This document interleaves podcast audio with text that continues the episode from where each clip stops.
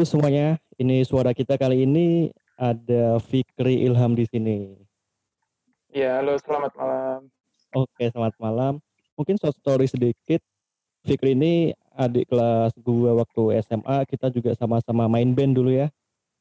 Iya, Mas, betul sekali. Fun fact-nya, kita juga sebenarnya hampir satu alma mater di kampus. Ya, benar, hampir. Ya. ah. Eh, se- sebenarnya udah. Soalnya waktu Udah, udah keterima soalnya, Mas ya. udah udah bayar ini SPP semester awal juga sebenarnya. ya tapi Ya, akhirnya benar. memutuskan ke Jakarta. Oke mungkin boleh perkenalan dulu nih Fikri. Ya, halo, selamat malam semuanya. Oke, ya. Perkenalkan, eh, nama aku Muhammad Dina Fikri, ya. Bisa dipanggil Fikri. Saya sekarang masih aktif menjadi mahasiswa di Fakultas Hukum Universitas Gajah Mada, semester 7. Ya, lagi skripsian nih, Mas. Lagi pusing-pusingnya ditambah Iya. online nih. Corona, waduh. Mas. Besok kalau misalnya kita lagi nyari data online, begitu sidang, insya Allah tahun depan corona udah hilang, offline deh sidangnya. Wah. Malah ketemu dosen kan, iya. Nyari data solid, pas sidang ketemu dosen, wah. Benar-benar benar. Ya tapi ya terlepas apa pun itu semoga pandeminya juga cepat apa ya terselesaikan lah supaya perlahan Ya. semua aspek dalam kehidupan kita bisa semakin membaik. Ya, betul sekali. Oke. Ya. Nah mungkin agak aneh ya kalau misalnya kita mulai langsung bahas yang berat-berat. Kayak kita mulai dari yang paling Oh. ring- yang ringan-ringan dulu nih kayak. Gue biasanya pakai rapid question dulu kayak gue lempar berapa pertanyaan. Eh gue kasih dua opsi nih A atau B. Ntar lu pilih salah satu. Oke, boleh. Menarik, menarik. Let's go. Oke pertanyaan pertama nih. Pilih PUBG atau Point Blank. Point blank. Jelas. Oke, Pertanyaan kedua dulu. Ini kita selesaiin pertanyaannya dulu ya. Baru kalau mau dikasih Oke. alasan. oke. Nomor dua. Pilih jadi personil band atau marching band. Oh. Hmm, aduh, harus harus pilih ya? Harus pilih ya? Ya. Alasannya terserah. Marching band. Oke, marching band. Ya. Pertanyaan ketiga. Pilih LDR atau HTS? Waduh, LDR deh. Wih, LDR, siap. Oke, Iya, iya. pertanyaan keempat nih. Pilih jadi pebisnis atau jadi hakim? Bisnis. Pebisnis, siap. Iya. Oke, pertanyaan terakhir nih. Pilih lulus cepat tapi bisnisnya hancur atau lulus lama tapi bisnisnya jalan? Dulu selama bisnis jalan. Oke. siap, siap. Salut. Oke. Ja- Dari yang dari yang pertama dulu nih. Poin Iya. pada sekarang ini kan zamannya orang-orang lagi pada main game di mobile di HP. Kenapa lu Iya. masih main point blank? Eh, dulu pernah sempat cobain tuh yang namanya PUBG kan, pernah pakai handphone gitu. Eh, kenapa ya? Nggak nggak jago aja mas. Ter- terbiasa dari dulu SD itu kalau main tuh pakai PC gitu, pakai mouse, ada suara keyboard ketik ketik ketik gitu kayak lebih enak gitu. Terus kan udah lama juga main PB dari dulu SD kecil, SD kelas 3 tuh udah ke warnet. Terus sampai sekarang pun masih aktif buat main PB. Ya, kemarin juga sempat ikut kompetisi juga di UGM Hmm. diselenggarain one gitu ya. Alhamdulillah lolos dua babak, tapi kandas di perempat final ya. Tapi nggak apa-apa. Ya, buat pengalaman juga. Buat ngisi waktu luang tapi sam- nggak sengaja sampai turnamen ya. Iya, nggak sengaja. nggak sengaja. Oke, oke, oke, oke. Kita loncat yang Oke. kedua nih. Pilih marching band. Kenapa nih? Eh, musik itu emang udah mendarah daging kayaknya. Dari bapak juga dulu kan juga, bapak tuh dari SMP, SMA, kuliah itu juga jadi anak band gitu kan. Terus Hmm. eh, SMA sudah berkecimpung juga di dunia perbenan duniawi kan. Eh, terus Iya. juga sempat jadi pengurus harian juga di ekskul musik itu sama Bagus, sama Damar sebagai teman juga dimentori oleh Mas Bintang. Wih. nah terus ah- ah, waktu di kampus eh, emang dulu dari SMA tuh pengen kayak coba buat ikut marching drum band gitu ya Eh, karena lebih seru gitu kayaknya kalau band itu kan cuman memainkan instrumen misalnya gitar sendiri bass sendiri drum sendiri keyboard sendiri nah kalau di marching band tuh dipisah semua. Ada ada seratusan orang main alat musik, memainkan notnya sendiri-sendiri. Jadi kayak lebih apa ya, lebih ya rasanya lebih rame gitu terus uh, ada formasi-formasinya gerakan-gerakan yang itu juga pengen ada plusnya fisiknya juga nanti tambah kuat jadi kayak nambah relasi juga sih mas karena kalau di marching band UGM itu dia uh, terdiri dari semua fakultas tuh ada jadi kalau misalnya butuh apa-apa nanti selain di teknis waktu marching bandnya di non teknisnya juga kita nambah uh, apa ya hubungan lah link gitu ya. oke benar ya. banget sih berarti Fikri ini termasuk ya. orang yang suka dengan variasi dan hal yang ramai cuma oh, ternyata endingnya itu dipakai untuk membangun relasi yang baik sama teman-teman yang lain juga ya? Iya betul mas. Karena sangat membantu sekali relasi. Iya. Setuju setuju. Oke pertanyaan ketiga. Ini pertanyaan yang paling cepat dijawab nih. Lebih milih LDR daripada HTS LDR lah gitu apa? LDR lah sekarang yeah. jadi skill utama juga ya lagi pandemi gini iya. kita gak, betul gak bebas. terlatih ya. Iya terlatih ya. Secara walaupun cuma dekat tapi ya skillnya terlatih buat LDR karena kalau LDR itu uh, kalau misalnya udah saling yakin gitu kan udah tambah kuat maksudnya saling percaya ya udah. Kalau LDR ini lewat ah coba nanya lewat lah gitu. Daripada HTS nggak jelas. Ampun ampun Oke. Gaya bercanda. Iya. Nah, yang unik nih pertanyaan nomor empat tadi nih. Tadi kan di ya. depan lu memperkenalkan diri sebagai mahasiswa hukum nih di UGM. Tapi ya. kenapa lu lebih milih jadi pebisnis gitu? Ya, ini long story sih mas. Waduh, curhat. Oh, oh, mungkin, ya? mungkin, oh, mungkin ya? dijawab, dijawab singkat dulu aja. Nih. Ntar kita kulik lebih dalam di belakang. Oh ya, dijawab singkat. Hmm. Awalnya dari pertimbangan dari ibu. Dulu okay. ibu tuh ngelarang buat jadi APH. APH itu adalah aparat penegak hukum. Jadi uh, waktu itu ibu bilang, uh, nggak usah jadi aparat penegak hukum kayak jaksa, pengacara, hakim, karena nanti mau po kaki kanannya masuk surga, kaki kirinya masuk neraka terus kayak, oke okay, ya udah, setidaknya saya belajar hukum, cuman buat tahu kayak cegelongan-cegelongan apa ya lubang-lubang di sana supaya saya bisa bisa terhindar dari situ gitu kayak biar lebih tahu lah sisi sisi gelap-gelapnya biar nggak terjebak ke sana Oke, alasannya sebenarnya itu tadi alasan yang sama yang dikatakan sama nyokap gue ketika gue ngobrol waktu itu kalau gue kuliah di hukum gimana? Jawabannya persis yeah. sama. Yeah. Jangan sampai di masa depan nanti kamu kerja di tempat di mana kaki kirimu di mana, kaki kananmu di mana dan untuk bisa berada di tengah itu bukan pekerjaan yang mudah gitu. Iya, benar. Manusia juga mesti makhluk subjektif kan mas. Seobjektif objektifnya pun pasti subjektif. Yes setuju sih. Gue bahkan yeah. beropini nggak nggak ada sih yang bisa 100% objektif tuh. Iya yeah, nggak ada mas. Nggak mungkin. Sulit. Ya yeah. mungkin mungkin ada yang bisa cuma bukan kita gitu ya.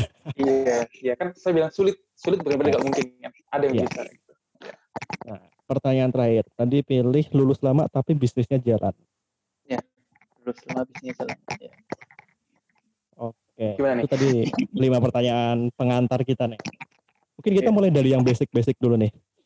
Um, ya. Arti nama lu apa sih kalau boleh tahu? Oke, arti nama saya, arti nama itu sangat mengenai ya dari dulu. Muhammad Ilham Fikri. Orang yang diilhami pemikiran seperti Nabi Muhammad. Oh, luar biasa. Luar biasa. Ya itulah. Semoga memang keilmuan pikiran seperti itulah. Nah, nama kan doa dari orang tua gitu menurut lu uh, doanya terkabulkan atau enggak? Terkabulkan. Oh, iya, terkabulkan ya, Mantap. terkabulkan. Harus optimis ini.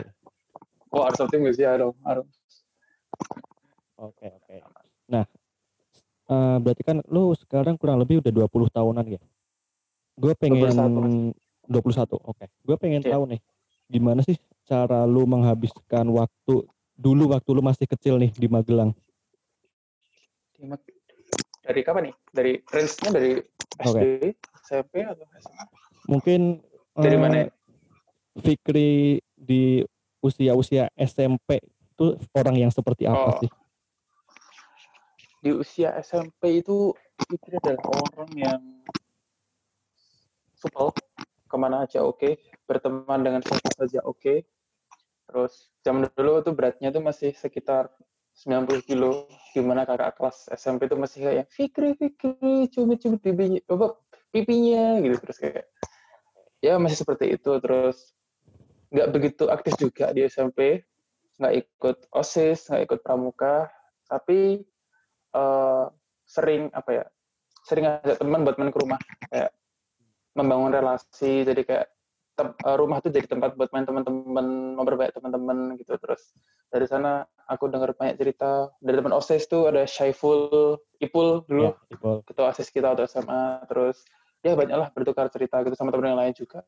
Jadi kayak SMP itu adalah uh, masa-masa di mana masih berteman dengan siapa saja cari teman sebanyak-banyaknya cari relasi terus udah mulai ini ya udah mulai puber gitu.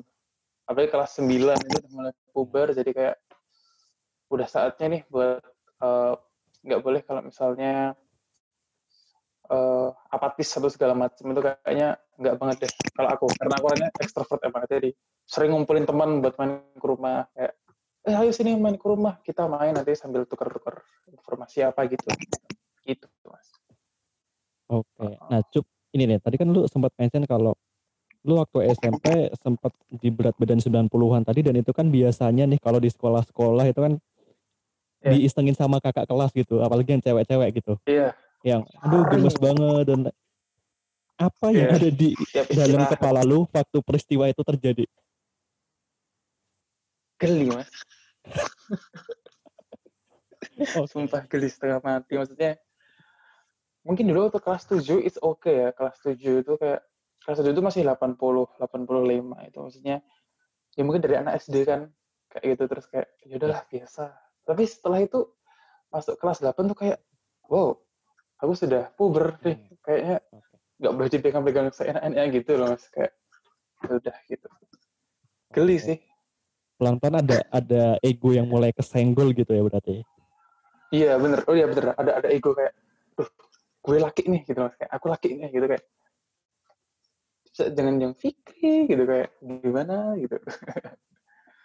Tapi waktu itu lu ngomong atau coba menolak atau cuma diem aja? Diem aja sih mas, pasrah. Ya gimana? Itu berbanyak mas, lima orang, enam orang tuh masuk ke kelasku, sumpah demi. Lima orang, enam orang masuk ke kelasku tuh kayak, Fikri mana, Fikri mana? Itu kak di pojokan itu. Terus langsung kayak, dijepit-jepit gitu. Kayak, oh tidak. Berarti itu waktu SMP tuh angkatan gua kan ya? Iya mas, angkatanmu mas sama angkatannya yang 64. Iya, lagi. Invik, in, oh, ya, okay, Invicta itu, itu, itu. Ya mungkin gue mewakili teman-teman gue yang cewek minta maaf kalau misalnya yeah. dulu ada apa, hal yang apa, apa.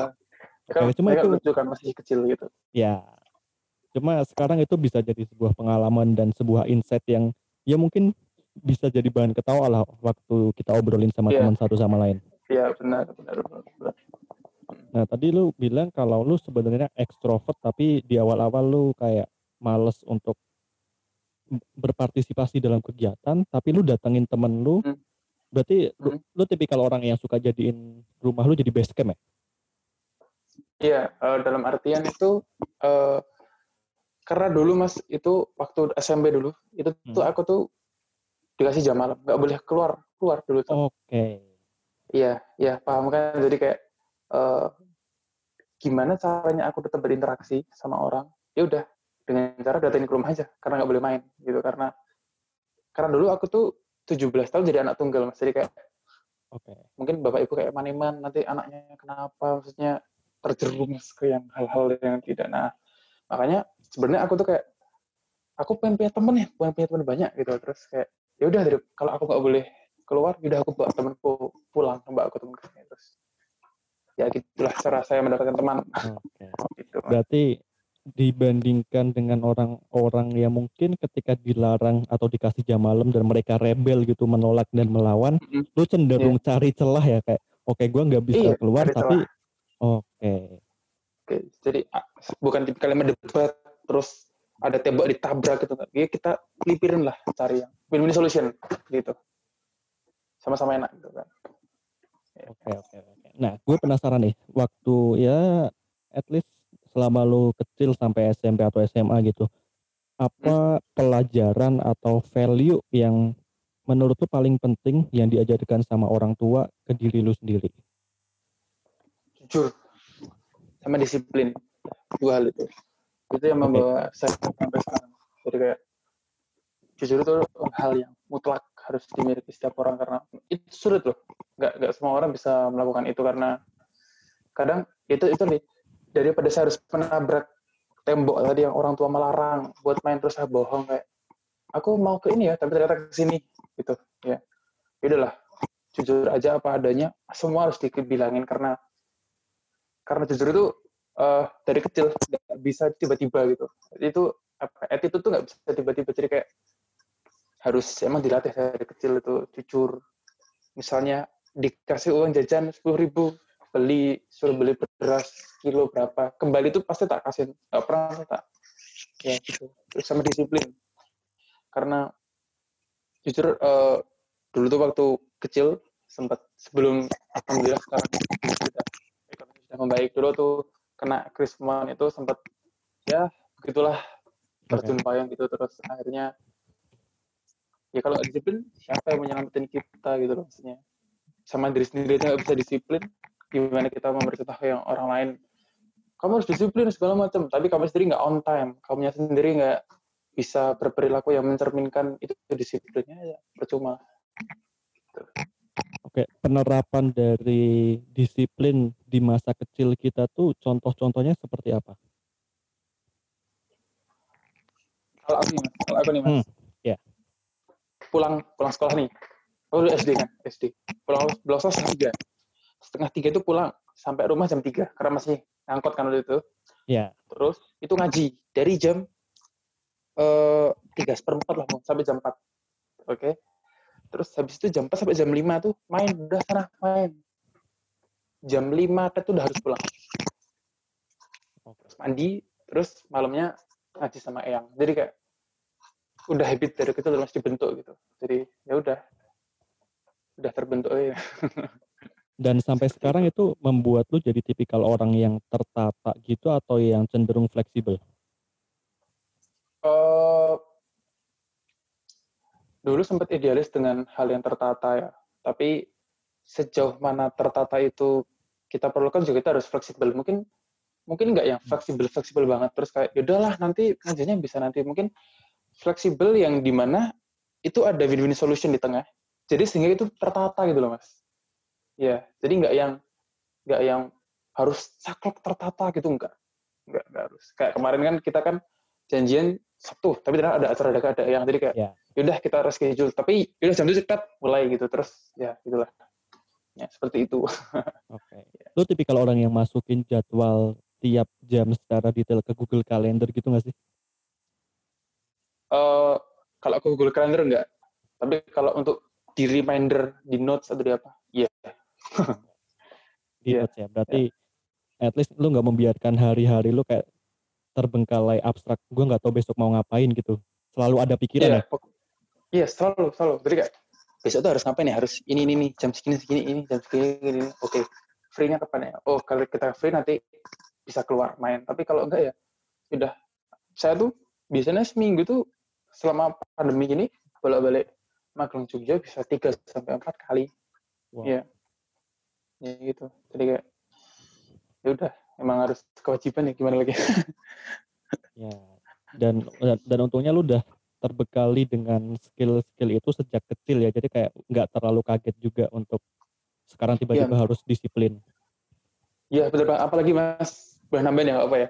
Kalau di Marsing itu Oke. Okay. Alhamdulillah di tahun pertama itu uh, saya sudah diamanai menjadi wakil komandan latihan. Nah di situ uh, di posisi itu tuh benar-benar harus jadi uh, salah satu sosok yang emang dicontoh sama uh, teman-teman lain uh, satu satu tim lomba itu. Nah di mana satu tim lomba itu uh, terdiri lebih dari satu angkatan. Jadi kayak nggak cuma angkatanku mas, ada ada senior seniorku di atas Mas Burhan, tiga tahun di atasku, ada senior yang sampai enam tahun di atasku. Jadi uh, seninya yang aku dapatkan dari marsing itu marching itu nggak cuman hanya disiplin tapi juga attitude-nya jadi disiplin ini kayak sebagai contoh buat teman-teman uh, saya juga memantaskan diri sendiri nih buat disiplin kayak wah aku aku harus memberikan contoh yang baik nggak cuman buat teman-teman gue satu angkatan tapi juga sama rotasi-rotasi yang atas tapi di mana disiplinku tuh harus gak yang boleh sombong, gak, gak yang boleh sok-sokan kayak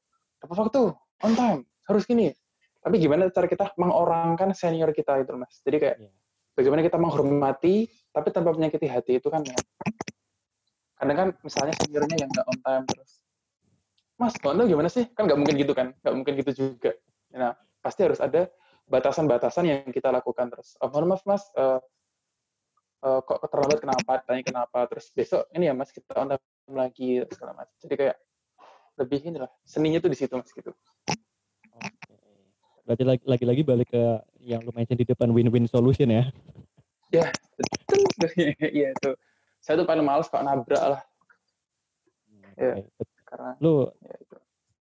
Berarti lu termasuk orang yang apa ya dalam tanda kutip ingin sesuatu itu ya terasa aman dan nyaman buat lu sendiri dan orang sekitar lu ya? Ya kalau bisa kita menghindari konflik kenapa harus ada konflik itu itu prinsip saya dari dulu sih. Okay. berkonflik sama orang itu udah bikin capek. Capek hati capek pikiran capek fisik. Benar banget sih tapi yeah. Nah, tapi yeah. selama lu tadi jadi wakil komandan, ada nggak kayak pengalaman-pengalaman yang mungkin bikin lu, yaitu tadi menemukan ada konflik, terus lu menemukan yeah. ada orang-orang yang mungkin apa ya bahasanya, orang-orang yang nggak walk the talk atau walk the title gitu? Iya, yeah. uh, pasti ada, pasti ada. Uh, dan saya juga nggak menjudge orang itu sebagai sebuah perlawanan ke kita, nggak. Hmm. Tapi karena memang di marching band itu uh, ada tanda kutip senioritas kan di situ. Oke. Okay.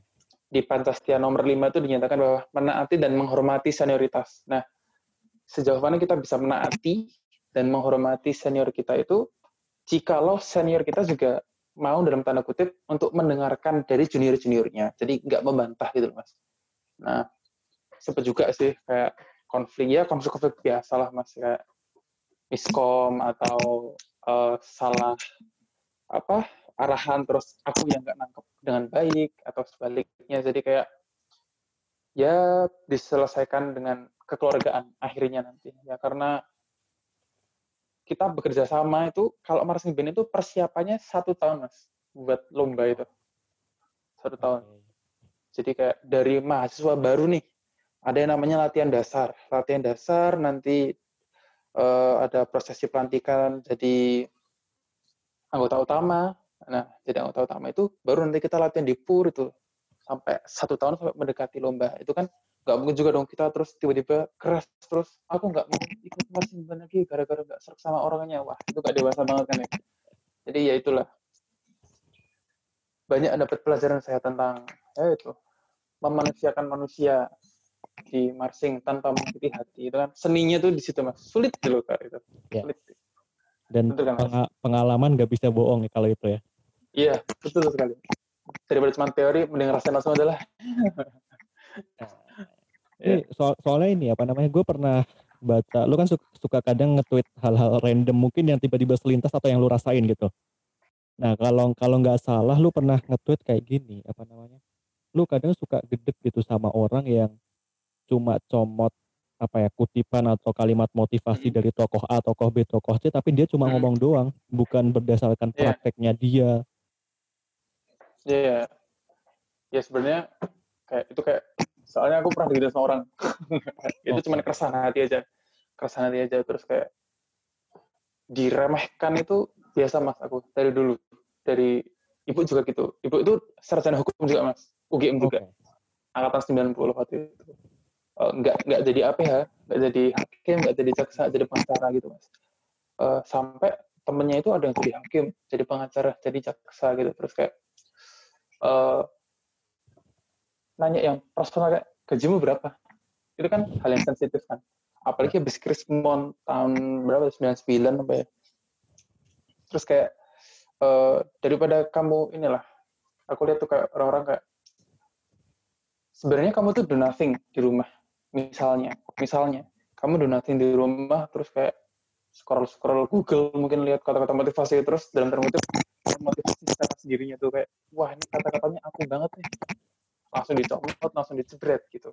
Tapi tanpa kamu do it first kayak itu kata-katamu ka, kamu banget itu dari pikiran apa dari perilaku? Gitu loh.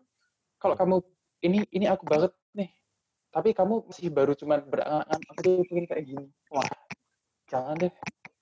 Nanti kalau itu jatuh malah jatuh banget. Mending dilakuin dulu terus kayak kamu ngerasa oh aku udah sampai di titik ini di titik ini. Terus kayak oke okay, berarti orang ya, orang yang dekat apa yang dikatakan orang ini benar berarti itu kamu udah ngelakuin itu dulu lah yang penting. Daripada cuman aku berangan-angan pengen ini pengen itu pengen ini.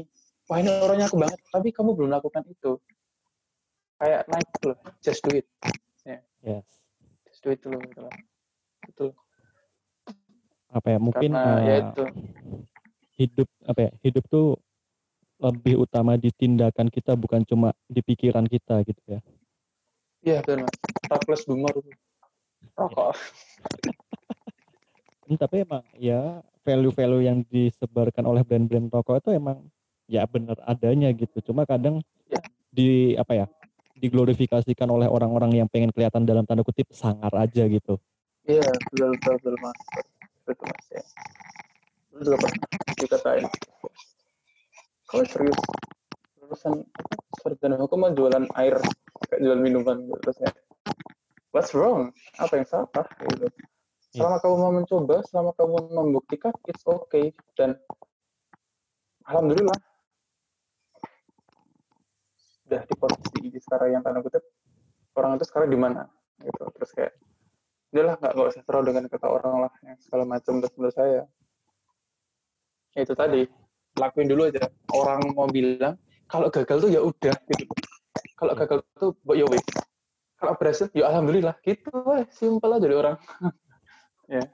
Ya. Kadang tuh orang ini apa berlindung di balik gagal adalah kesuksesan yang tertunda. Iya. padahal kadang kalau kita gagal ya antara kita emang belum siap dan kita belum layak dan ya udah nggak apa-apa untuk gagal gitu. Iya.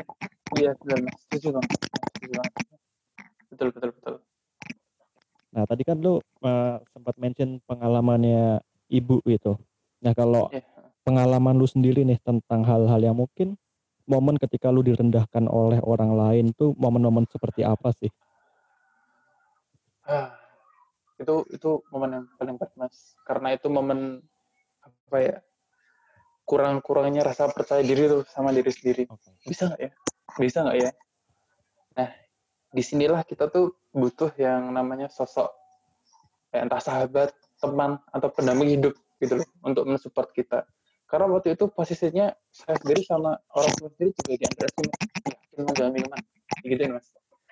Terus kayak dari situ kan sempat ke down akhirnya eh, orang-orang di sekeliling kita misalnya teman dekat lah entah sahabat eh, mungkin pasangan. Nah itu itu akan berpengaruh penting ke mentalitas kita jadi ketika kita ada di posisi terendah itu it's all about mentality. Eh, sampai di mana ketika kita membutuhkan sahabat kita membutuhkan teman kita membutuhkan pasangan itu itu yang akan itu yang naikin mentalitas kita. Jadi kayak eh, aku tipikal orang kalau misalnya lagi ngedown bisa kayak diem dulu gitu kayak sehari dua hari terus kayak baru ningkatin ngebus ngebus diri itu setelah self healing entah aku ngapain kayak diem di rumah negara musik segala macam. Nah di situ sisi makanya kita butuh namanya lingkungan itu pertemanan sahabat pasangan. Buat apa? Buat naikin mentalitas kita. Ketika mentalitas kita naik pasti juga semangat akan naik. Jadi kita kayak ketika direndahin jebret. Terus ada kamu bisa kamu bisa kamu bisa. Dibangun lagi. Akhirnya eh, positif positif apa pemikiran positifnya itu bisa kayak oke aku bangkit nih. Begitu waktu itu ya posisinya mas saya di kayak yakin kamu jual minuman sama adalah gitu terus sama orang tua sendiri gitu. Oke. Malam itu juga ajak mitra saya langsung ayolah kita kumpul tiap malam bahas RAB bahas segala macam kita selesaikan lalu kita bulan depan opening. Gitu.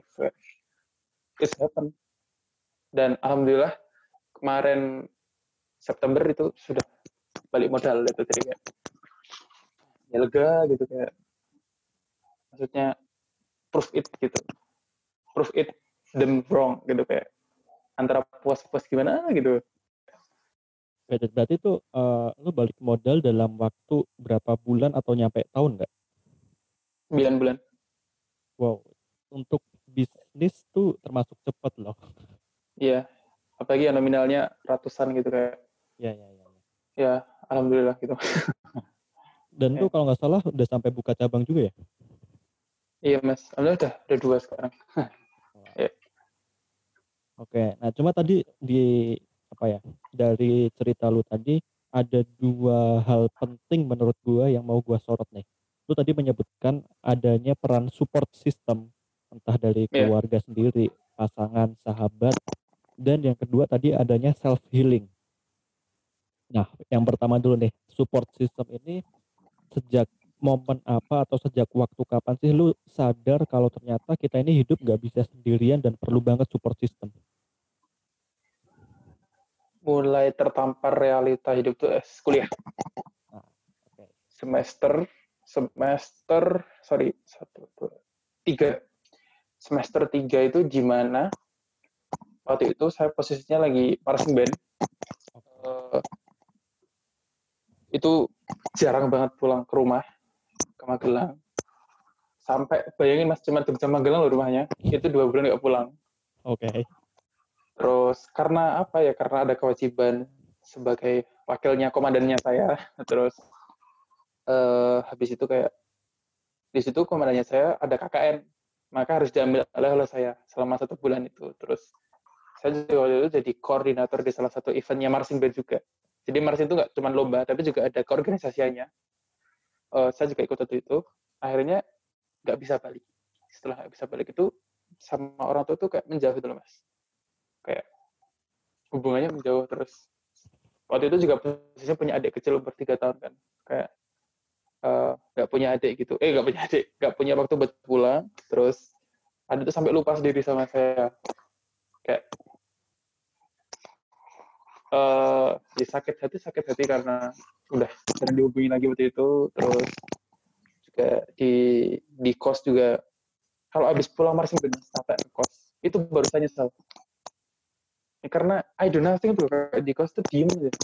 Pikir kalau aku pulang jam 12 malam gini nanti sampai rumah jam 1 jam 7 besok pagi udah ada kelas. Terus ketemu orang tua juga gimana gitu kayak serba salah gitu akhirnya di situ saya sadar bahwa saya tuh butuh yang namanya itu support system di mana ketika hal-hal yang seperti itu terjadi yang membangkitkan mentalitas saya ya lingkungan sekitar saya dari teman-teman marching juga dari teman-teman SMA yang satu kuliah di Jogja juga support gitu kayak uh, untuk apa ya cari inilah fungsinya support system itu uh, kalau nggak nyemangatin kita juga kita cari minta pendapat ke mereka. Aku harusnya gimana ya aku harusnya gimana ya? Kalau yang kita lakukan ini salah nggak sih? Jadi supaya apa supaya ada pertimbangan ketika kita make decision gitu loh. Nggak ngawur gitu. Nggak absolut. Aku adalah hidup enggak. Gitu sih mas. Ya, ya. dan dan kadang tuh uh, dalam tanda kutip support system yang tepat untuk kita tuh ya mereka yang bisa memposisikan dirinya sesuai kebutuhan kita. Kayak kadang kita datang emang yeah. butuh pendapat dan kadang kita datang kayak cuma pengen cerita doang dan gak direspon yang lu harusnya gini gini. Gini ya benar benar benar ya apalagi ya jangan sampai lah kalau misalnya kita lagi cerita mah dibandingin. Nah, kamu kan cuma kayak gitu, lah itu paling ya, itu paling nah, sering sering terjadi di yeah, kalangan anak muda sih. Iya. Kamu mendeng ya cuma kayak gitu lah aku ah gak gitu. Oh ya udah, apa-apa. Hmm. Cuma at least kalimat-kalimat kayak gitu bisa jadi filter buat kita untuk pilih oh nih nih orang bisa dalam tanda kutip kita ajak ngobrol atau cerita sampai di titik mana sih kayak kalau ya. kalimat-kalimat itu udah keluar oke okay, terima kasih itu itu itu mas itu yang terjadi jadi dulu saya pengen cari teman sebanyak banyaknya hmm. setelah saya dapat tuh nah itu saya circle circle kan ke mana yang saya harus cerita apa gitu di mana apa ya kayak ada sekat-sekatnya gitu jadi nggak semua harus tahu gitu ada batasan-batasannya sekarang ya umur segini lah mah teman makin dikit ya. tapi kualitas harus dinaikin lah ya, itu itu tadi penting banget sih jumlah ya. nggak ya. begitu masalah selama kualitasnya bisa terjaga kan iya betul mas itu mulai kerasa kayak hmm. Oh jadi dulu cari tempat banyak juga nggak salah. Juga nggak salah. Ya, benar. Salah gak salah bener tapi setelah setelah mulai umur bersegini tuh orang yang dulu apa ya dalam tanda kutip deket bisa jadi menjauh. Dan orang-orang yang sebenarnya nggak tahu siapa nolong kita. Itu ya. kayak ya benar kemasin itu dari dari itu sudah itu kayak wah pas aku udah kayak gini kok temenku yang ini nggak bantu ya malah yang ini. Terus kayak oh gini ya hidup terus ya udah gitu. ya, ya. ya udah jalanin aja benar-benar nah cuma tadi dalam proses lu apa ya tadi mungkin memfilter teman-teman lu sendiri gitu kan pasti adalah momen-momen di mana kita coba cerita ternyata responnya tidak sesuai ekspektasi kita nah terus itu kayak bukannya bikin kita lega tapi tambah pikiran gitu nah tapi tadi yeah. lu tadi sempat bilang juga kalau lu punya metode untuk lakuin self healing gitu nah cara yeah. yang lu lakuin tuh biasanya yang paling efektif apa tuh yang paling efektif self healing itu kan uh, kayak apa ya memperbaiki dentuman-dentuman ke diri kita itu kan. Nah, okay. ini mas yang ini ya saya sama jarang ngasih tahu ke orang lain. Uh, yang saya lakukan itu biasanya pertama aktifin tuh yang namanya media sosial. Okay. Ya. Terus saya saya bisa saya lakuin itu. Dengerin lagu-lagu playlist. Ah, sesimpel itu. Suka. Terus sebelumnya gini, misalnya saya kan ada ada pasangan. Saya bilang sebentar ya. Uh, aku udah cerita segala macam. Aku mau ini dulu lah. Nenangin diri sendiri dulu. Ya udah dia mengerti terus ya udah. Just relax duduk tiduran. Lihat langit-langit. Nyalain uh, di kamarnya kamarku tuh ada LED dulu mas. Yeah. jadi kayak ada kayak uh, backlight backlight yang bikin adem gitu terus kayak ya udah cuma tiduran gini aja lihat langit terus kayak aku salah apa ya? Aku harus gimana ya kemudian gitu. sambil dengerin lagu yang nggak ber yang nggak bervokal. Jadi kayak cuman udah sesimpel itu. Aku ya nggak tahu ya orang lain kan beda-beda aja kok kan. Iya. Memang benar banget ya apa namanya self healing itu karena ada kata self-nya ya berarti itu emang yeah. sifatnya custom gitu lah baik custom yeah. si A mungkin bisa efektif kalau denger lagu kalau si B mungkin harus yang olahraga habis-habisan dan beda-beda yeah. cuma tak tadi gue nangkep satu hal yang bagus banget sih yang lu bilang kalau dalam kondisi lu tadi kan konteksnya lu ada pasangan dan lu hmm. mengkomunikasikan itu kalau misalnya eh gue butuh waktu yeah. nih untuk menyelesaikan yeah. masalah diri gue sendiri nah itu tuh yeah. termasuk apa ya mungkin couple skill yang nggak dipunyai dan diperhatikan oleh banyak orang sekarang cuma itu penting yeah. banget. Ya itu kenapa saya cocok sama ini. Ya karena oh mengerti oh mengerti ya gitu terus. Oke okay, nggak apa-apa ya udah dinikmati waktumu sendiri dulu. Oke okay, gitu.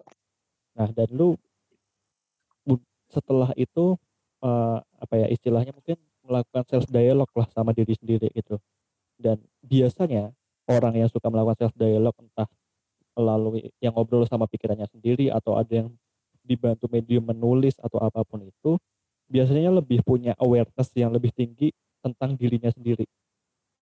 Iya, yeah, iya, yeah, yeah, of course. Nah kalau gue tanya nih, kira-kira lu seberapa mengenali diri sendiri bisa jawab nggak? Bisa mas. Uh, saya tuh dulu waktu SMA sebelum masuk kuliah tuh tes sidik jari dulu mas. Oke, okay. yeah, ya. Untuk mengenali pribadi diri sendiri. Nah, kecerda uh, dari 8 kecerdasan kecerdasan intrapersonal. Intra itu saya mengetahui diri saya sendiri dan intrapersonal itu nomor hmm. satu dua sama skor. Jadi kayak kenali diri sendiri dulu secara baik baru bisa berinteraksi sama orang lain. Jangan sampai justru malah orang lain yang kayak menilai kamu tuh orangnya gini loh. Nah itu kan malah gak enak. Lebih baik kamu tahu diri, oh aku tuh orangnya agak keras kepala, aku orangnya agak emosian, aku orangnya senang disanjung, aku orangnya suka diperhatiin. Nah itu kayak tahu ya dia tahu. Uh, saya kalau saya bilang saya lebih tahu dari saya sendiri daripada orang lain ya awarenessnya udah muncul dari lu SMA dan bagus itu itu lu ya atas rekomendasi dari orang tua atau emang lu iseng nyari sendiri dan lu kebetulan tertarik atau gimana? waktu itu sempat dilema IPA IPS Oke. Iya IPS. Terus kayak bapak ibu IPA semua. Saya sendiri IPS. Saya sendiri kan waktu itu kan bingung. Masa bapak ibunya IPA, anaknya IPS gitu. Terus kayak, Iya. oke, oke, kita harus pembuktian diri nih. Mana nih instrumen yang bisa membuktikan? Oh ada itu namanya ini. Langsung didatengin, langsung tes, tes sidik jari. Habis itu langsung eh, hasilnya dibacain sama psikolog. Mas, kamu tuh orangnya seperti ini, seperti ini. Terus apa yang dikatakan psikolog itu memang benar. Nah, dari situ terus saya baca sendiri hasil tesnya. Oh ya ini emang, emang saya seperti ini gitu terus. Oke cocok. Gitu. Jadi kayak udah tau lah saya tuh kayak gini orangnya gitu. Nah, ap- apakah dari apa namanya? Dari perjalanan lu mengenali diri lu sendiri itu yang sampai pada akhirnya membawa lu pada keputusan oh kayaknya gue mau jadi pebisnis aja deh. Itu mas di situ. Mentalitasnya itu tumbuh ketika sering lihat sering ibu tuh kalau misalnya dulu mau sekolah nih mas SD SMP gitu itu atau dulu kan SD kan masih dipakein baju gitu terus disisirin dibedakin gitu terus. Nah nah besok tak tunggu tak doain gedenya jadi juragan gitu. Terus pasti tuh hari tiap hari gitu kayak gitu terus dia terus itu kayak di alam bawah sadar tuh kayak juragan tuh gimana cara nyampainya? Cara-cara sendiri tuh oh harus jualan yang nama juragan tuh apa sih? Oh juragan tuh ini tuh maksudnya punya banyak bisnis segala macem nggak, nggak mesti banyak sih asal satu gede kan nggak salah juga. Ya. terus dari situ kayak SMA juga ikut di pemuda pengusaha muda terus Hmm. udah mulai cari-cari uang. Dulu juga sempat jualan sate bakso goreng. Kulaan 1200 mas. Kulaan 1200 saya itu isi 6 bakso goreng ya 1200 saya jual 2000 mas. Dapat kalau misalnya saya stok 100 pieces itu kan saya dapat untuk 80 ribu mas. Hmm. Itu saya stok 200 pieces setiap hari saya dapat 160 ribu itu I'm rich kayak kayak ya jadi kayak udah dari situ terus akhirnya bisa direalisasikannya dengan punya nih gitu tuh waktu kuliah ini jadi kayak ya seperti itu dari kecil sih mas itu dari ibu juga kayak doa didoain tuh setiap hari jadi juragan jadi juragan Iya, iya, iya. Dan ini siapa namanya? Untuk apa ya? Mungkin untuk uh, teman-teman kita yang nanti jadi ibu gitu. Ini Iya. sebenarnya ketika mereka udah jadi ibu dan punya anak, itu kayak mereka punya Iya. semacam apa ya? Mungkin kalau di game gitu kayak ada unlock skill gitu loh. Kayak oh, Iya, iya. satu skill baru di mana kalimat-kalimat mereka tuh bisa jadi doa yang manjur buat anaknya kan. ya mantra mantra Dan, iya dan jadi banyak banyak loh kejadian kayak gitu kayak beberapa teman gue yang uh, mungkin sekarang dalam tanda kutip udah berhasil di bidangnya masing-masing itu mereka bermula dari cerita yang sama yaitu ketika mereka masih kecil mereka dimandiin sama orang tuanya sambil ya kayak tadi itu kayak Iya. dan nanti semoga kamu sekolahnya lancar dapat beasiswa ke luar negeri bisa gitu." dan ya ya ya ya it really happens gitu yes really consistent this is it iya dah Nah, Iya. cuma cuma ini nih apa namanya kan gue juga karena gue kuliah di manajemen gitu, gue juga cukup sering Iya. ikut ya seminar-seminar tentang bisnis entrepreneur gitu-gitu. iya Gue selalu ketemu sama tipikal orang yang tanya sama satu hal yang paling gue benci. kenapa itu? Selalu ada orang yang nanya gini, bang, gimana sih caranya kita mulai bisnis? Nah, sih konteks-konteksnya gini nih. Jadi di semua seminar itu ketika ada orang yang tanya gimana cara melakukan bisnis, biasanya mereka itu orang yang cuma menjalankan bisnis di pikirannya sendiri, tapi nggak Iya. pernah praktek. iya itu mas Nah, ka- kalau menurut gimana tuh? tracing mas jujur mas setelah itu saya buka itu ya Hmm. itu belasan belasan belasan itu oh itu di total sampai sekarang nih mungkin udah ada puluhan bahkan ratusan orang yang ada ya mas itu cara mulainya gimana ya? Mas tipsnya apa ya? Mas tipsnya apa ya? Jadi kayak orang nggak tahu mas. That's why that's why dulu akun saya tuh gak di lock mas. Dulu gak di lock sama sekali ya. Gak di lock Oke. begitu ada orang-orang dan segala macam kayak aduh ini ini belum kapasitasku untuk menangani hal seperti ini. Yaudah aku lock adalah daripada aku nanti sok kepinteran sok tahu berjawab karena pengalamanku juga baru satu tahun udahlah aku ini dulu lah aku lock. Maksudnya eh, aku kasih tahu ke teman-teman yang maksudnya eh, mungkin kalau orang deket tanya itu lebih enak daripada orang asing Iya. tanya tiba-tiba jebret gitu. Aneh banget kan terus aku jawabnya kayak sok tahu gitu malah gak enak juga. Makanya aku batasi aku lock biar orang-orang terdekat aja yang tahu dulu gitu loh. Belum saat sampai wah itu belum belum, belum sampai belum sampai sana. Iya. Cuma berarti itu emang bener adanya ya orang-orang yang seperti itu. bener. Sumpah demi sumpah demi itu banyak banget mas. Asli. Ah, Dan dan apa ya itu itu apa ya mungkin mindset yang sebenarnya terjadi nggak cuma di lingkungan bisnis gitu. Kayak misalnya gue kan emang suka nulis juga gitu.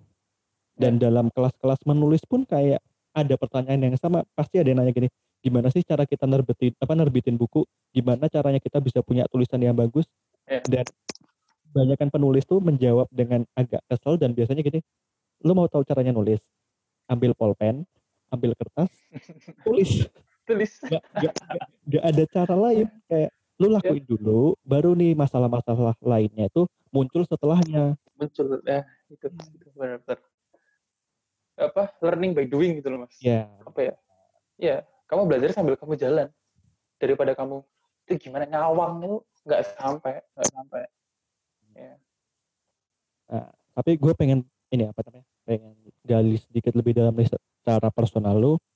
Hmm. Eh, gimana sih rasanya lu masih kuliah yang notabene-nya jadi anak hukum yang katanya banyak bacaannya dan susah terus lu sambil jalanin bisnis tambah lagi sekarang kena pandemi gitu? How was that feel Eh, pertama eh, alhamdulillah eh, dampak dari pandemi itu tidak terlalu berpengaruh ke usahanya saya. Wow. Oke. Eh, penuh karena kita dalam membuka bisnis itu ada beberapa formula sebenarnya. Salah satu variabel sorry. Variabel yang pertama itu adalah kita buka itu targetnya itu tidak cuma mahasiswa saja, tapi juga warga sekitar, ada bapak ibu kos, penduduk sana, ada kita juga targetnya ke anak-anak juga, dan kita buka di tempat pemukiman padat. Sehingga ketika mahasiswa ini hilang, saya hanya kehilangan 30% dari penghasilan. Jadi kayak untuk operasional segala macam, untuk sewa ruko tahunan, kos operasional, gaji karyawan, aman, alhamdulillah. Untuk satu tahun ke depan aman, alhamdulillah gitu. Terus yang saya rasakan setelah itu di corona itu eh peak, peak season. Kalau kita lihat dari yang tahun lalu yang saya kayak gelo gelo itu kecewa Ya. kecewa itu peak seasonnya itu ada di bulan Juni sampai Oktober di mana itu mahasiswa baru berdatangan. Iya. dan yang lulus nggak sebanyak yang datang. Iya kan? Iya kan? Bener bener. kan? jadi, jadi ya tambah banyak gitu loh mas. Kuant, kuantitasnya tambah banyak gitu. Tapi ya saya saya di sini orangnya kayak ya udah kalau misalnya ada cobaan pasti Allah berikan yang lebih banyak gitu kayak. Ikhlas aja ikhlas ikhlas. Malah saya itu sekarang mah sekarang ini mas.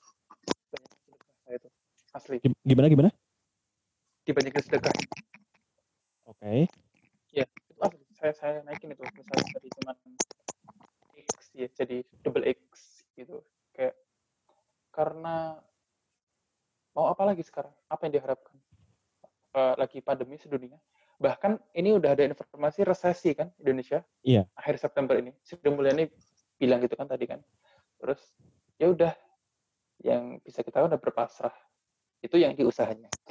Kalau yang di eh, perkuliahannya ya alhamdulillah kuliah online. Ya jadi nggak usah sampai sampai kuliah. Saya kos sudah cabut mas. Udah oke. Jadi- berarti lu sekarang Iya. oh makanya lu PP tadi itu ya? Iya makanya PP that's why kenapa PP karena udah cabut ngurangin biaya kos juga. Terus malah aku kos bukannya nggak mau ngelarisi tapi ya gimana? Tapi ya corona gini terus ya alhamdulillah dengan sistemnya juga baik masih bisa mengikuti pembelajaran meskipun pemahaman atau interak apa ya kayak ada interaksi-interaksi yang kalau ketemu langsung tuh kayak ada auranya biar lebih enak untuk paham akan sesuatu itu nggak kita dapatkan. Tapi ya it's okay. Seenggaknya kita bisa membaca sendiri dulu dari dosis juga kita paham gitu kayak yaudah ini adalah cara terbaik buat kuliah online atau belajar online. Itu efektif untuk saat ini kalau tanya yang mana efektif ya ketemu langsung. Tapi kalau ketemu langsung berisiko. Ya udah. Ikhlas gitu. Kadang kadang apa ya? Ini ya ada sebenarnya ada teorinya. Cuma kadang hal yang paling maksimal yang bisa kita dapatin tuh ya mungkin lagi minimal gitu. Kayak dan yeah. ketika itu terjadi ya kita nggak bisa apa-apa selain menerima aja kalau kita yeah. ibaratnya protes terus di pikiran kita yang ada malah kita membakar diri kita sendiri dan itu never yeah. ending proses gitu loh iya yeah, ya itu itu juga yang saya alami waktu lihat sorry penurunan penurunan penghasilan tuh kayak ah, harusnya Juni itu bisa bisa naik gitu bisa ada modalnya bisa lebih cepat tercapai sesuatu itu. Tapi Allah mengatakan takdir jebret corona. Oh oke okay lah ya udah. Ikhlas gitu. Ikhlas. Pasrah. Kamu juga dapat gantinya kan mas? Oh iya. Uh, lu ini enggak uh, tadi kan ibaratnya uh, dampak secara negatifnya gitu. Nah, dengan adanya corona ini lu ngerasain ada dampak positifnya juga nggak? Ada mas. Nanti saya dikira ria sih. Saya tuh sekarang mas tiap malam tahajud asli. Oke. Okay. Dan dan dan dan yang terjadi sama saya itu kalau tahajud itu lebih tenang. Kayak lihat lihat laporan oh ya udah berarti memang lagi segini terus kayak lebih lebih nggak kagetan orangnya lebih nggak panikan lebih tenang aja gitu terus kayak ya udah oke okay, nggak apa-apa oh, terus ada laporan ini kayak gini kayak gini terus udah ditingkatkan promonya segala macam tapi kok masih belum ya udah apa-apa. Jadi kayak lebih dekat sama di atas sih untuk corona saat ini. Uang sekarang udah bukan target utama gitu saya. Mau gimana lagi turun terus. Ya udah. Berarti ini ya apa namanya? Ya ibaratnya kita bukan kita ya lebih kayak mungkin semua manusia sekarang ini lagi ada ya kita lagi di ospek nih bareng-bareng. Iya. Bener. untuk bisa lebih apa ya lebih slow down lah dalam hidup. Kita lebih iya. pelan-pelan lebih tenang nggak gerasa gerusuk nggak mengejar sesuatu dengan berlebihan dan lebih bisa nah, menerima itu. apa yang kita punya sekarang ini gitu ya. Betul mas. Betul betul. Lebih ini lebih harus memaintain diri sendiri lah. Sama sama gak gak usah terlalu berekspektasi. Kurna akan selesai akhir tahun. Udah udahlah. Ah, udah itu capek banget janji manis gitu. doang.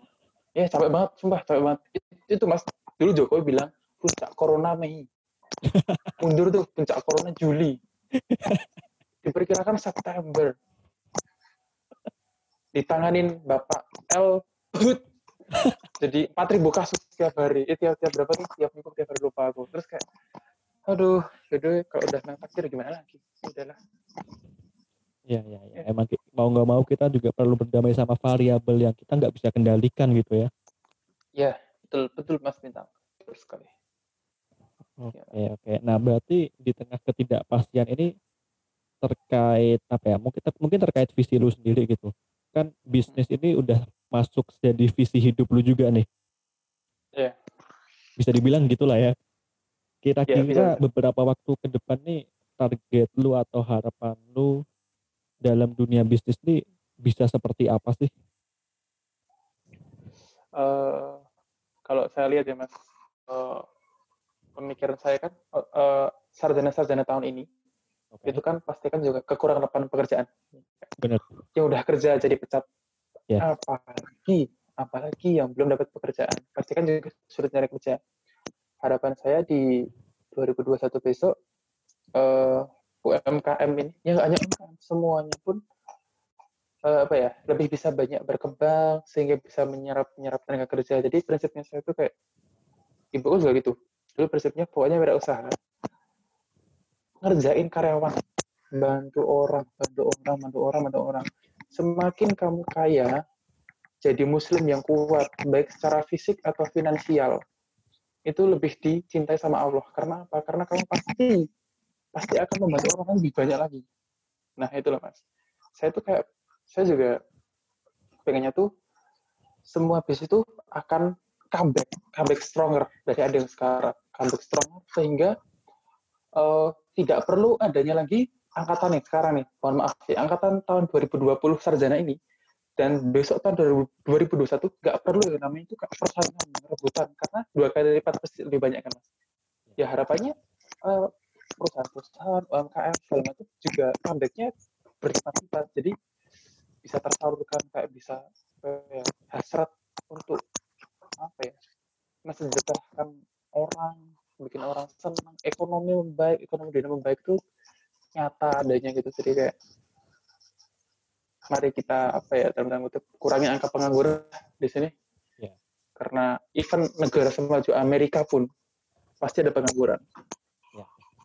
benar, benar. kurangi kurangi sebanyak saya itu kayak misalnya lagi ke kedai gitu kan terus lihat halo Mas Heri Mbak Anita terus Mbak Hesa gitu terus kayak sehat mbak? Sehat terus sudah ini Popeye kalau nggak lagi ada rezeki ya pizza jadi kayak setiap mereka senyum seneng wah ya mas mas mas. Ya.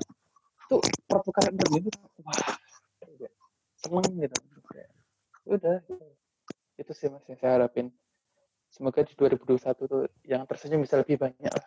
Ya. Amin gitu. amin amin. Ya. Berarti emang apa ya itu kan namanya apa salah satu anjuran dari eh kalau di agama kita dari Rasul kan emang berdagang ya. Ya, dan betul dan dampak nyatanya ya emang kayak yang tadi itu kayak kita bisa membantu orang lain bisa makan lah at least ya meskipun yeah, yeah, betul, di awal betul. ini masih belum bisa seberapa cuma harapannya berarti jangka panjang nanti itu akan berusaha untuk mengembangkan supaya lebih layak untuk mereka dan lebih besar lagi secara dampak yang bisa lu kasih gitu ya ya mas betul sekali karena semakin besar nanti usahanya semakin saya bisa dikenal. Misalnya besok jadi saya kalau sekarang mengimplementasikan tuh Ixora. Tahu Ixora mas? Youtuber. Nggak tahu ya? Hmm, nggak tahu nggak tahu. Oh, itu kayak dia tuh dia tuh pengen bikin pondok pesantren mas. Dia tuh pengen bikin caranya dia menggapai itu gimana? Dia harus terkenal. Dia jadi youtuber dia punya bisnis segala macam bisnis sepatu bisnis wah banyak banget. Jadi ketika impian dia tinggi dia posisinya bisa dikenal dia pasti akan bermanfaat untuk orang banyak. Dan ini terjadi sekarang. Jadi kayak ya saya itu itulah Mas Iksora itu wayan wayan Iksora. Jadi kayak ini aku banget ya orangnya itu satu visi gitu. Oke oke oke. Cuma yang apa ya yang agak klise itu biasanya justru datang dari orang lain kayak kita mungkin mengutamakan visi kita dan secara nilai tindakan untuk membantu orang lain, tapi kadang ada beberapa orang yang fokusnya justru ke apa ya? ke angka-angka yang menempel pada diri kita gitu. Apakah itu yeah. let's say secara titel, secara omset, secara apa ya, secara, ya, secara penghargaan lah. Yeah, yeah. Itu kadang buat kita tuh apa ya? Jadi apa ya kayak nilai yang mau kita sampaikan jadi nggak nyampe gitu ke orang lain gitu. Oh, iya. Ya, ya benar, benar, benar. Terlalu, terpat, terlalu terpatok sama angka ya gitu. Ya. ya. Padahal apa ya, menurut gue, menurut gue pribadi itu angka tuh nggak cukup untuk mengevaluasi diri kita, apalagi ketika kita membantu orang lain sih. Ya, ya, benar, benar. Jadi kayak kayak saya maksud itu karena dari Xora ini, ketika hmm. dia memiliki banyak subscriber, banyak follower, uh, terus banyak yang mengenal dia, banyak yang tahu dia, dia ya. pun mendirikan yang namanya Usman Foundation. Itu adalah tempat uh, sedekah setiap Jumat untuk sorry, setiap setiap sedekah setiap Jumat untuk kaum kaum duafa, miskin dan penghafal Al-Quran 30 juz. Nah, jadi kayak saya pun menyalurkannya lewat itu mas, lewat Usman itu. Saya, maksudnya orang uh, ketika orang itu dan terang kutip sudah memiliki posisi, sudah dikenal banyak orang, pasti juga effortnya, dampaknya itu pasti juga lebih banyak. Ketika itu, ya. ketika real count-nya itu digunakan untuk hal yang positif gitu mas jadi kayak oke oh, ini ini orangnya kredibel nih oke okay. saya ikut juga lah Usman Foundation gitu jadi kayak saya juga pengen gitu besok gitu sih mas kayak uh, punya foundation gitu terus kayak ayo sini ada yang mau ikut gak jadi kayak ketika oh itu Fikri ya yang itu ya? Oh yaudah aku ikut. Nah jadi kayak lebih bisa bermanfaat gitu. Daripada sugih PDW nah, yeah. itu ya kayak gak, kayak gak ada habisnya. Nggak ada habisnya. Buat apa tuh? Mati nanti ujungnya ya. ya hmm. cuma berarti artinya lu juga dalam tanda kutip mempersiapkan diri lu untuk perjalanan sendiri itu ya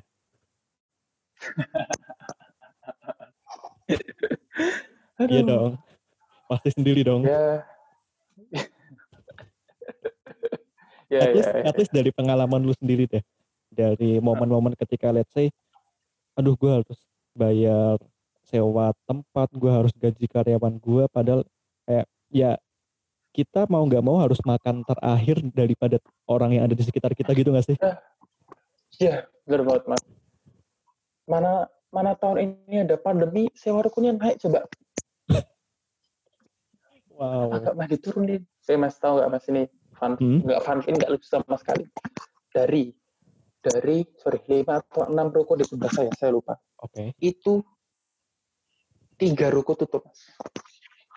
Gara-gara nggak kuat untuk Mister yeah. Burger pun yang terkenal itu tutup mas. Sebelah saya persis itu. Yang jualan donat madu enak tutup juga mas sekarang di deretan ruko itu cuman ada punya saya sama counter pulsa. Ya pulsa gimana nggak laras, orang butuh internet semua sekarang. Ya, ya itu, ya. Jadi uh, sedih, sedih sih lihatnya sekarang tuh kayak dulu tuh say hi say hi ngelarisin sebelahnya. Sekarang mau ngelarisin tulisannya disewakan kontrak gitu. Cara efek negatif lainnya pun kayak nggak bener-bener nggak ya bukannya kita menutup mata menutup telinga tapi emang banyak banget lingkungan sekitar kita tuh yang kehilangan pekerjaannya dan dari dan biasanya nih kan apa ya kaum perekonomian menengah kayak mereka yang let's say baru dapat pekerjaan mereka malu mau mulai ambil cicilan entah motor hmm. kulkas dan lain-lain yeah. baru dapat pekerjaan eh tiba-tiba di PHK tapi masih harus bayar cicilan yeah. itu yeah. ah, berat banget sih Nah, itu juga saya sering tuh dengar cerita kayak gitu dari Mas Mbak yang kerja di tempat saya juga gitu.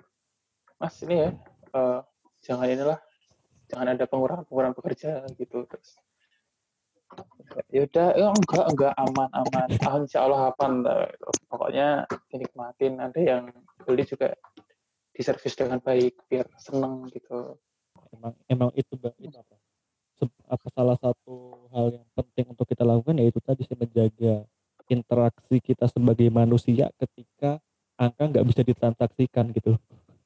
Nah, betul, benar banget, benar banget. Sekarang saya tuh lihat lihat uh, orang senyum, orang senang gara-gara saya itu, itu udah priceless lah daripada. Daripada harus ini ya saya juga dengar kakaknya temen di PHK dari salah satu e-commerce gitu. Padahal habis ngambil cicilan motor. Nah. Gimana coba sekarang bayarnya? Iya. Saya, saya juga mau bantu juga. Gimana? Ban PLT, maksud bantu langsung tunai. Berapa? Gak bisa. Ya. Ya karena memang kondisi lagi kayak gini, ya harus berhati-hati lah. Sekarang tuh lebih baik pegang uang cash aja lah. Nah, mungkin karena ini kayak kayaknya udah hampir sekitar satu jam nih. Mungkin apa ya? Oh, udah lama ya? Nih, kadang-kadang emang suka kayak gini kalau kita ngobrol-ngobrol gitu. Apa oh, iya. kalau yang ngomongin tentang bisnis, tentang hal-hal yang nyangkut ke value itu biasanya tambah nggak kerasa lagi. Iya, iya, iya. Nah, mungkin apa ya sebagai beberapa penghias nih untuk penutup, yeah. gue minta dua hal nih. Pertama, kira-kira kalau misalnya lu bisa ketemu sama Fikri di waktu SMA, kira-kira apa yang mau lu sampaikan? Oh, SMA. Gak usah pacaran. Ya, oke, okay. jujur itu adalah itu yang membuat saya nggak bisa berkembang karena saya berada di lingkungan toxic relationship itu, di mana saya nggak boleh main, saya nggak boleh berorganisasi, saya nggak boleh ini itu. Saya terkekang di situ dan potensi maksimal saya nggak bisa dikeluarkan di situ. Jadi kayak manut aja, manut aja, manut aja. Jadi kayak lebih baik kalau misalnya ada pun cari yang nggak toksik, cari yang mau mengerti segala macam gitu. Kalau saya kembali ke Fikri saya dulu, udahlah kamu cari relasi seluas-luasnya, kamu cari pengalaman seluas-luasnya. Kamu nakal, ya nakal, tapi nakal yang bertanggung jawab. Jangan nakal yang bertanggung jawab gitu. Kalau misalnya kamu bolos konsekuensi ini, ya udah lakuin. Tapi nggak perlu nakal. Kalau perlu ya bisa di jadi orang yang apa ya uh, fleksibel, fleksibel dan tertata it at the same time. Jadi ya it's, it's important thing karena saya merasakan saya kehilangan banyak momen di SMA. Saya nggak bisa berteman dengan teman yang sebanyak itu 300 orang karena itu keterbatasan ruang gerak saya. Nah itu saya yang saya sesal itu. itu. Ya. gue gue suka banget sih sama kalimat barusan itu kayak apalagi tentang apa ya ya mungkin masa-masa kita SMA dan kuliah itu uh, momen di mana kita bertemu dengan beberapa kehilangan dan kegagalan gitu betul sekali betul sekali that's true ya ya benar benar nah, terkait sama kegagalan kalau buat lu sendiri kegagalan itu apa sih uh, jadi sebelum ini bulan November itu saya mendirikan dua usaha okay. minuman sama makanan juga. Oke. Okay. Yang ini, yang makanan ini gagal. Saya rugi waktu itu sekitar 90 juta. It's okay. It's okay. It's okay. Itu itu udah pembelajaran. Mental kita akan naik. Jadi kayak nggak usah takut gagal. Setiap orang itu punya kuota gagal kok, kalau menurut saya. Setiap orang punya kuota gagal. Jadi kayak, yaudah dipakai dulu kuota gagalnya. Berarti kalau kamu gagal, ada alasannya dong cari tahu alasannya jangan gagal terus ya udah nggak mau introspeksi diri percuma kalau kamu gagal tapi kamu nggak memetakan mana yang bikin gagal sih? Mana yang bikin itu nggak berhasil? Mana sih yang nyandung itu percuma. Gagal itu harus pintar. Caranya gimana? Ketika kamu gagal cari tahu tuh variabel apa yang oh ternyata tempatnya terlalu jauh dari keramaian. Oh ternyata rasanya kurang enak. Oh ternyata marketingnya kurang nih padahal udah di tempat strategis gitu. Jadi kayak cari faktor-faktor itu yang bikin kamu oh ternyata aku di sini toh. Sehingga kamu tahu. Maka ketika kamu besok mau menanjakkan kaki lagi kamu nggak takut lagi karena hal yang sudah membuatmu gagal di lalu itu sudah teratasi gitu. Oke sih. Yeah. Satu kalimat meringkas mungkin cari alasan di balik kegagalanmu gitu ya. Ya, yeah, cari tahu, cari tahu. Yeah. Jangan diulangi. Benar-benar. Kalau cuma cari tahu sama aja sih dan yeah. jangan diulangi. Ya tahu doang tapi nggak dilakuin sama aja balik lagi aja bohong ya. benar nah mungkin untuk penutup terakhir nih. Kira-kira pesan untuk teman-teman yang pengen punya bisnis. Salah satu aja satu aja advice terbaik lu mungkin buat teman-teman yang mau menjalankan bisnis. Berawal dari mentalitas dulu. Ya.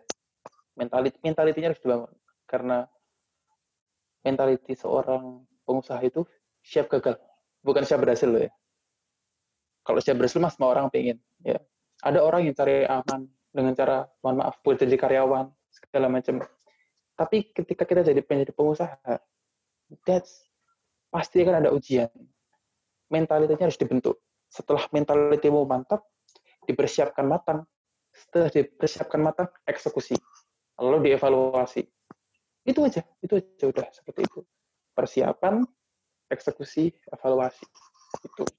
Jadi kayak nggak usah terlalu dipikir nanti gimana ya, nanti gimana ya. Nggak usah terlalu pikir. Yang penting kalau persiapannya matang, ini ya, persiapannya matang, teliti, pasti aman.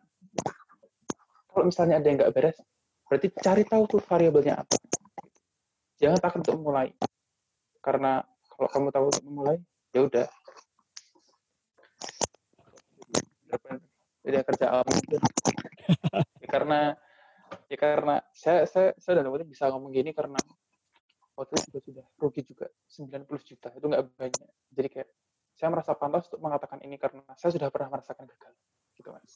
Jadi jangan takut gagal tapi juga jangan ceroboh gitu ya. nah mungkin teman-teman bisa ulangi beberapa kali nih kalimat yang terakhir dibagikan sama Fikri. Oke okay, so itu tadi kalimat penutup dari Fikri. Kita udah ya, ya udah sampai di ujung. Semoga Fikri juga secara karir pendidikan dan secara usahanya nanti bisa menemukan yang terbaik setelah ya setelah dan selama pandemi ini bisa beradaptasi dengan baik. Dan gue yakin bisa baik sih karena dari apa ya dari niatnya dari mentalitasnya pun udah terbangun yeah. dengan baik sih. Oke okay, yeah. jadi thank you banget buat Fikri. Itu yeah, thank you banget Mas Bintang udah diundang. Ya tadi ini suara kita mendengarkan suara dan cerita-cerita dari Fikri. So, sampai jumpa di episode selanjutnya.